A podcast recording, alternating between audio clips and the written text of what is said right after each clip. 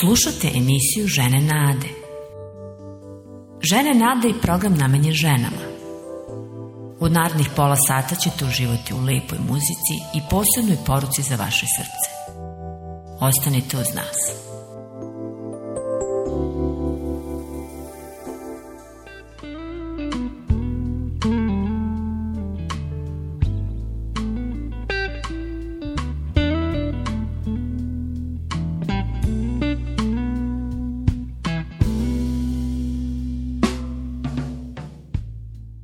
došle u program Žene Nade. Moje ime je Biljana. Pored mene je, kao i svake nedelje, Tanja.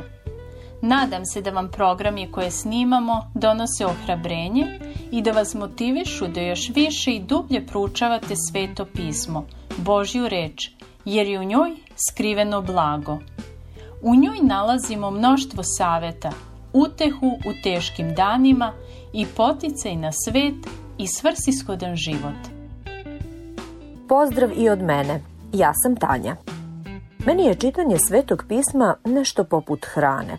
Pomaže mi da gledam na sebe, razne stvari, ljude i situacije oko sebe onako kako Bog to želi. Bez Svetog pisma i Božje milosti i dobrote bih bila izgubljena u ovom čudnom i surovom svetu. Lepo si to rekla, Tanja. Slično i ja osjećam. U ovoj emisiji ćemo ponovo uz pomoć naše gošće pričati o nekim zanimljivim temama, temama o kojima se možda ne govori tako često. Ona će nam govoriti o ženama vere, ženama koje su sledile Boga i potpuno se puzdale u njega, ženama po Božjem srcu. To zvuči veoma zanimljivo. Često sam ohrabrena kada čitam ili slušam različite istinite priče o tome kako je Bog delovao u životima nekih ljudi to me ohrabruje, pokreće. Ponekad i izmišljena priča ili prelepo urađen film može da nas motiviše i inspiriše na to da se menjamo i postajemo bolji i Bogu ugodniji. A tek ako je to istinita priča ili film po istinitom događaju, to je onda stvarno nešto posebno.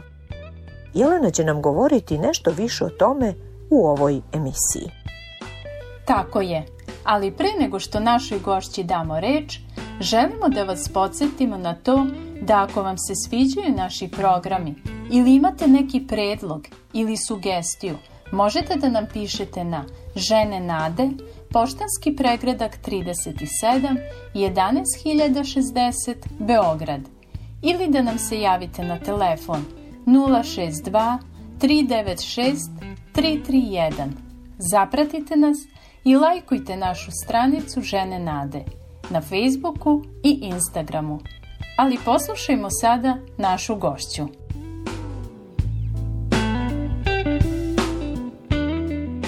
Poštovani slušaoci, ponovo se danas družimo, Jelena Sivulka je sa vama i danas želim da pričam na jednu za meni jako dragu, a možda malo škakljivu temu. Temu o ženama, ženama u Bibliji, ali danas o ženama po Božjem srcu. O pozivu na sledbeništvo i pozivu na službu. Jedna od mojih omiljenih priča je priča o Kori Ten ženi vere. Zašto baš njena priča? Možda zato što njen pedigre nije nikome pretnja. Kori je iskrena, jednostavna, a kad kreće u punovremenu službu, neki bi čak i rekli postarija žena. Bakica, kume da bude besna, koja ne zna uvek svoj temperament da kontroliše, ne uvek sa najsrećnijim stavom u životu, koja svašta proživljava i sa nepunih 60 kreće u punovremenu službu. Dragi moji, nikad nije kasno krenuti u službu. Corrie Boom je izjavila, nemojte se bojati da verujete nepoznatoj budućnosti, poznatom Bogu. Drage moje, Moje pitanje danas za vas i dragi slušaoci i vi oni koji niste žene, a želite da se družite sa nama, izvolite. Ali moje pitanje je danas da li je on vama poznat? U Lukinom evanđelju u osmoj glavi od prvog do trećeg stiha pročitat ću ovih par stihova. Isus kreće u službu. Kaže, potom je putovo od grada do grada – od sela do sela. Propovedao je, navješćivao evanđelje po Božjem kraljestvu. S njim su išla dvanaestorica. I neke žene, koje on bio iscelio od zlih duhova i od bolesti. Marije iz Magdale, iz koje je bilo izašlo sedam nečistih duhova, Jovana, žena Huze, Herodova upravitelja, i Suzana i još mnoge druge koje su im služile svojim imanjem. Koje su to žene koje su ga sledile? Marija iz Magdale, prostitutka, žena, loše prošlosti, lošeg renomea.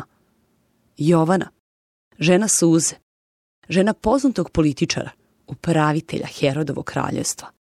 Žena sa prestižom, budućnošću, porodicom, obavezama. Žene koje su radile, žene koje su svojim novcem Hristovu službu podržavale.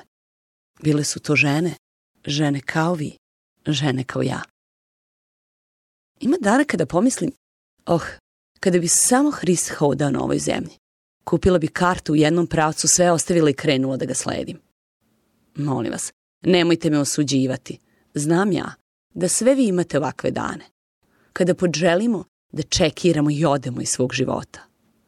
Drage moje, dobra vest je, on hoda ovom zemljom i on radi.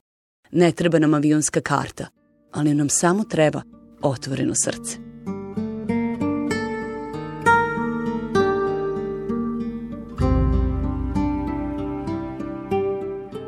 je veoma interesantna i važna tema.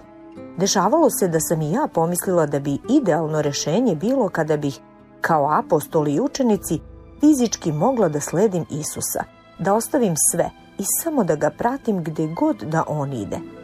Ali, hajde da nastavimo sa ovom temom, da se preispitujemo dok slušamo šta je to što nas je privuklo Isusu i šta je ono što smo u njemu pronašli.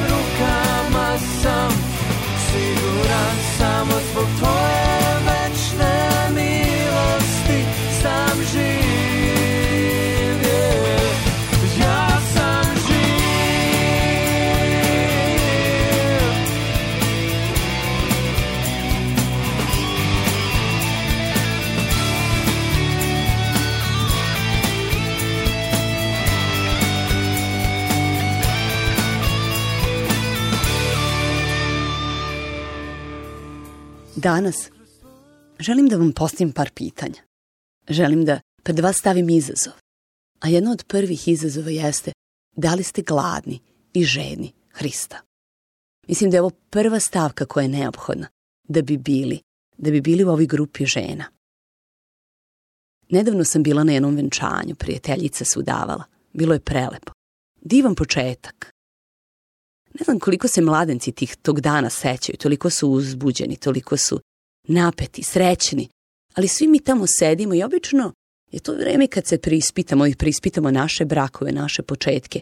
Ali ja želim danas vas da pitam, da li se vi sećate vašeg početka sa Hristom? Kad ste počeli da ga sledite? Šta je vas dovelo njemu? Šta ste vi u njemu pronašli? Kad ste se vi u Hrista zaljubili? Psalam 63 govori žedna je tebe, duša moja. Božja ljubav se nalazi ukorenjena u našoj gladi za njim. Božanskom zagrljaju mi smo manje zahtevni. Mi smo slični onome ko nas drži.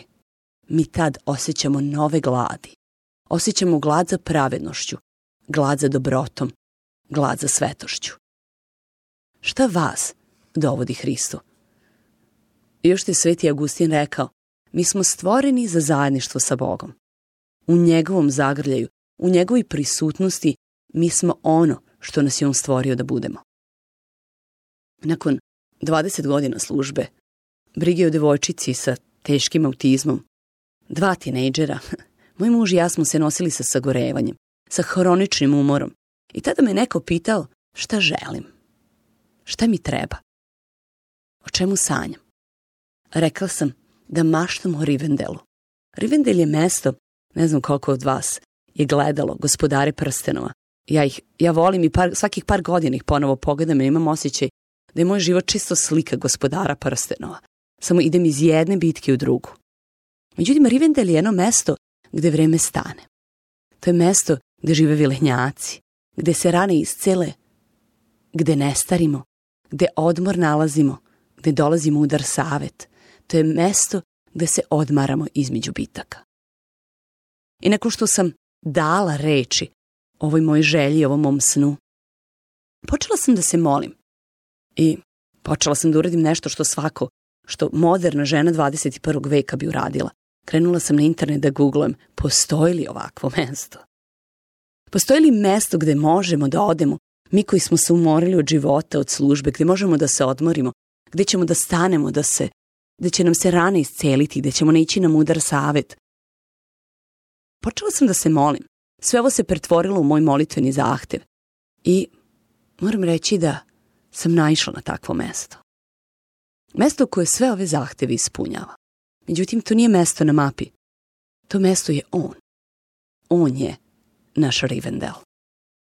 Sa njim vreme stane. Sa njim se rane isceljuju. Sa njim mi ne starimo.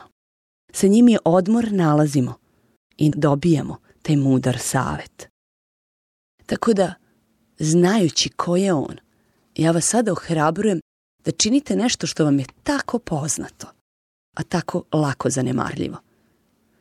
Ohrabrujem vas da stanete i da se molite.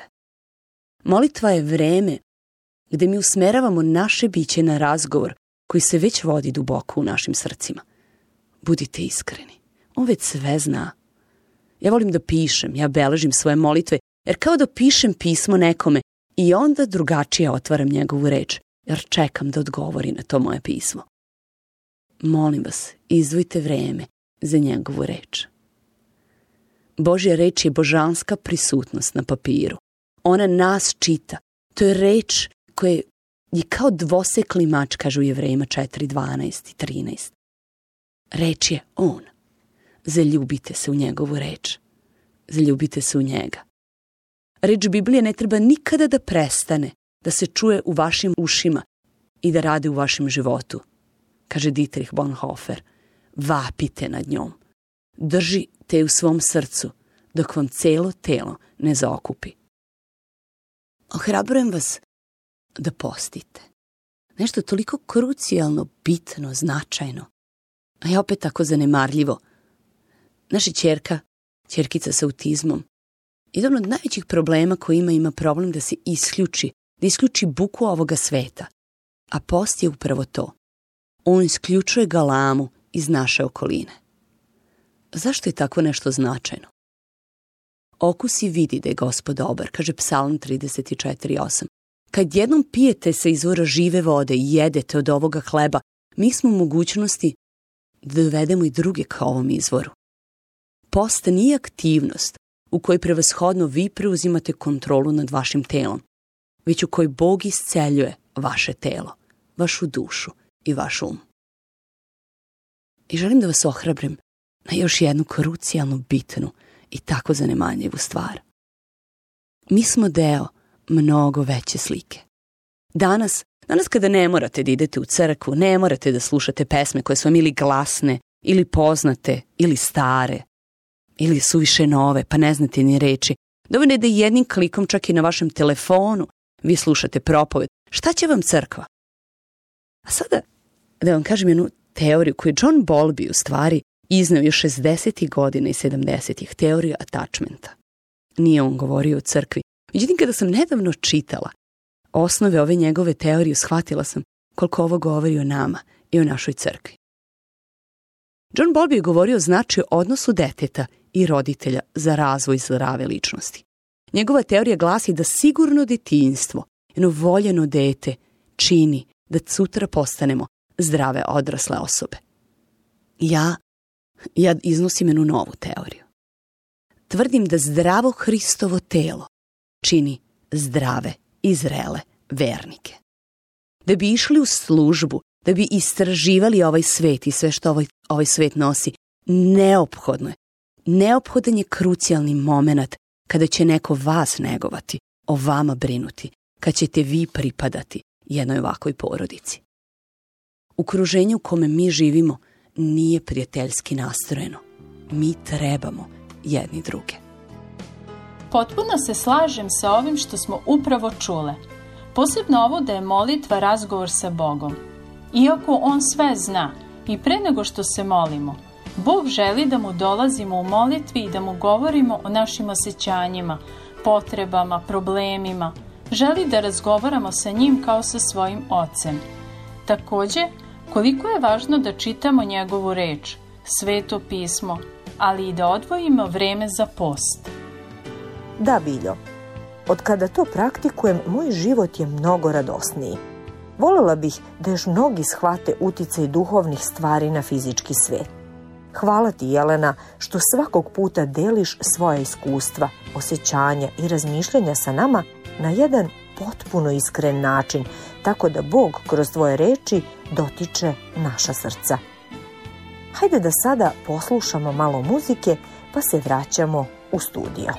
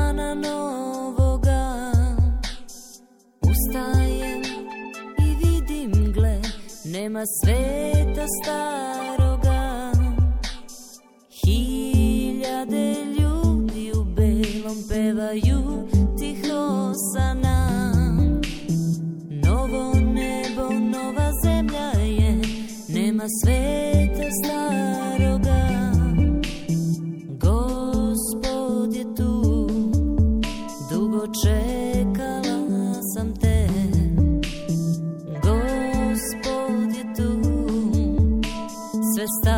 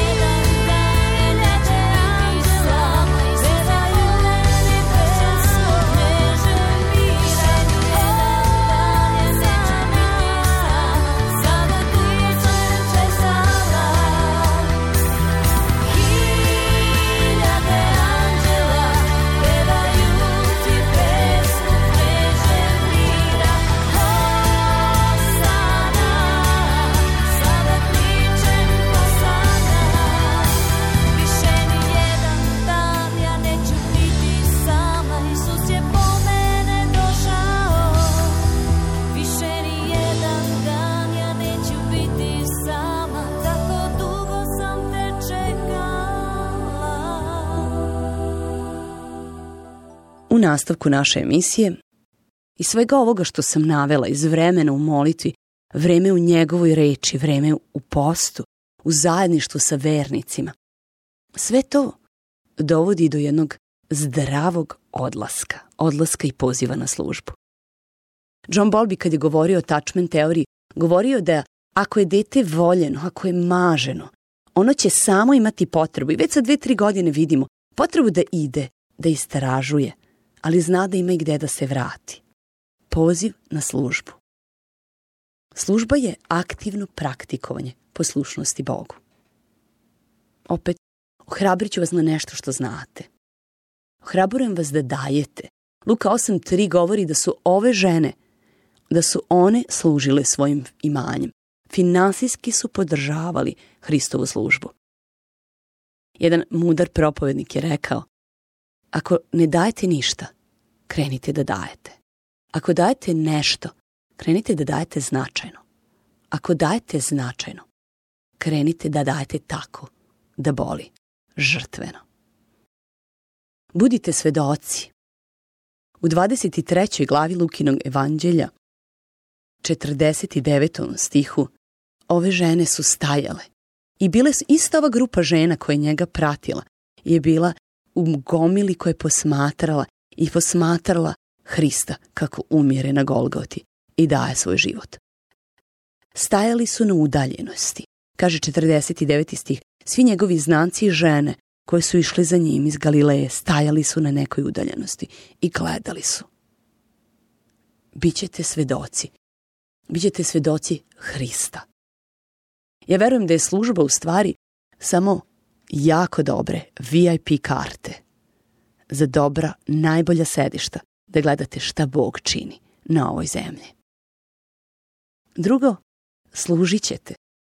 Luka 23, 55 govori ove žene, evo 55. stih, žene koje su sa Isusom došle iz Galileje, išle su i sa Siosipom i videle su grob i kako je pokopano Isusovo telo. Potom su se vratile i pripravile mirisi i pomasti. Išli su da služe, da pomažu njegovo telo.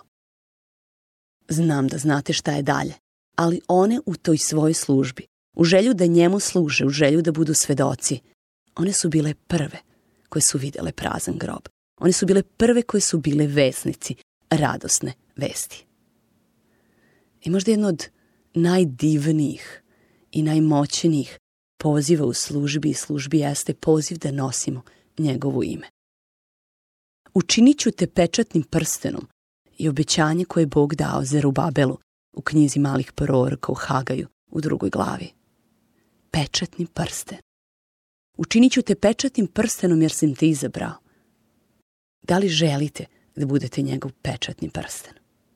Ja želim više od svega. Znam da je to i teret i odgovornost i čast.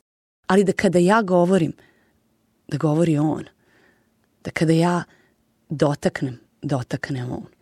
Ja vas ohrabrujem da vapite u vašim srcima, da budete njegov pečatni prsten. Sedeći na, na balkonu jednog hotela nedavno, posmatrala sam nešto iz daljine, nisam mogla ni da prepoznam šta je. Povremeno bi videla obrise nečega, ali onda bi opet se smirilo i videla bi samo neki stub.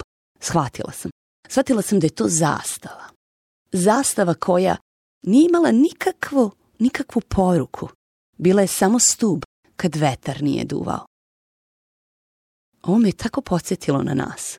Kada nismo ispunjeni svetim duhom, mi smo prosto zastava koja samo nosi obličje stuba. Kada sveti duh radi kroz nas, mi smo potpuno druga slika, mi predstavljamo nešto, mi nosimo nešto, mi prkosimo, prkosimo tamo gde stojimo, sa značajnom porukom koja odvlači, odvlači pogled svih oko nas. Molim vas, nemojte nositi obrise stuba. Budite zastava. Budite njegova zastava. Naš Bog je Bog gledanja. Samo u njegovom vidokrugu mi nalazimo isceljenje, obnovu koja nam je tako potrebna. Kad smo uviđeni i znani od Boga milosti, mi smo spremni da sami istražujemo svet – i svoja sobstvena srca. Hagara, da je prvi put nazvala Bog viđenja. Onaj koji vidi. On je prvi put nju nazvao po imenu. Do tada ni Sara ni Abraham ju se nisu po imenu obraćali. Bog nas po imenu zove, Bog nas vidi. Mi znamo ko smo. Mi znamo ko nas je stvorio, ali sve to znamo tek u odnosu sa Bogom, i Božje znanje nam pomaže da vidimo i sebe u potpunosti. Dragi moji, moja je molitva danas za svakog jednog od vas da budete viđeni, da budete poznani, da prkosno stojite i vi u ovom svetu, noseći poruku evanđelja. Da dozvolite da vas on vidi, da uživate u njemu, da njega predstavljate i da on u vama stavi glad i žeć da budete njegov pečatni prsten. Dragi naše, verujem da ste i ovog puta uživale slušajući program Žene nade. Nadam se da vam ovi programi pomažu i da su vam lepo duhovno osveženje. Hvala vam što ste bile sa nama. Ako želite da nam pišete ili da nam se javite, naša adresa je ženenade Poštanski pregradak 37 11060 Beograd, a naš broj telefona 062 396 331. Zapratite nas i lajkujte našu Facebook i Instagram stranicu Žene Nade. Želimo vam prijatnu i blagoslovenu narednu sedmicu. Srdačan pozdrav! Pozdrav i od mene. Do slušanja!